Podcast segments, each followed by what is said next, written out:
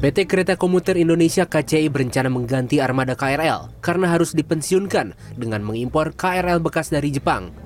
Namun penggantian 10 rangkaian KRL ditolak Kementerian Perindustrian.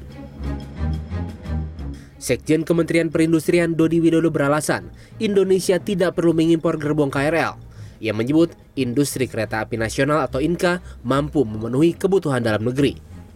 Namun nyatanya, dalam kerjasama dengan KCI, PT Inka baru mampu menyediakan pesanan KRL pada 2025 mendatang. Menanggapi polemik ini, Menteri BUMN Erick Thohir turut buka suara.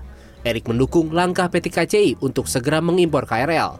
Ia mengatakan, kalau kapasitas produksi dalam negeri tidak siap, tidak tertutup kemungkinan untuk bisa bekerja sama dengan negara lain.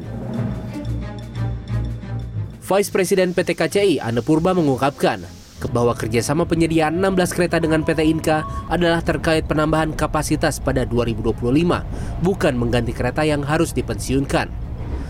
10 kereta bekas yang dibutuhkan untuk mempertahankan pelayanan perjalanan yang sudah beroperasi selama ini kan ada dua ya, ada dua investasi yang kita lakukan. Investasi untuk penambahan kapasitas ini sudah kita komit uh, menggunakan KRL yang baru dan ini kita sampaikan kepada Inka, makanya ada 16. Ini adalah untuk menambah kapasitas. Yang kedua adalah untuk mempertahankan, untuk mempertahankan kondisi existing. Kita membutuhkan kereta yang uh, bukan baru agar operasionalnya tetap berjalan. Untuk kebutuhan 10 di tahun 2000 20 ini ya sebanyak 150 M ini memang kita upayakan agar diberi izin dan nanti di tahun 2023 kita masih akan melihat konservasi sebanyak 29 kereta sehingga nanti penambahan kapasitas yang baru dan yang existing ini tetap bisa disupport untuk melayani masyarakat. Mhm.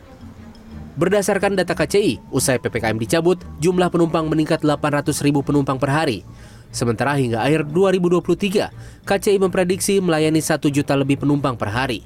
Tim Liputan CNN Indonesia.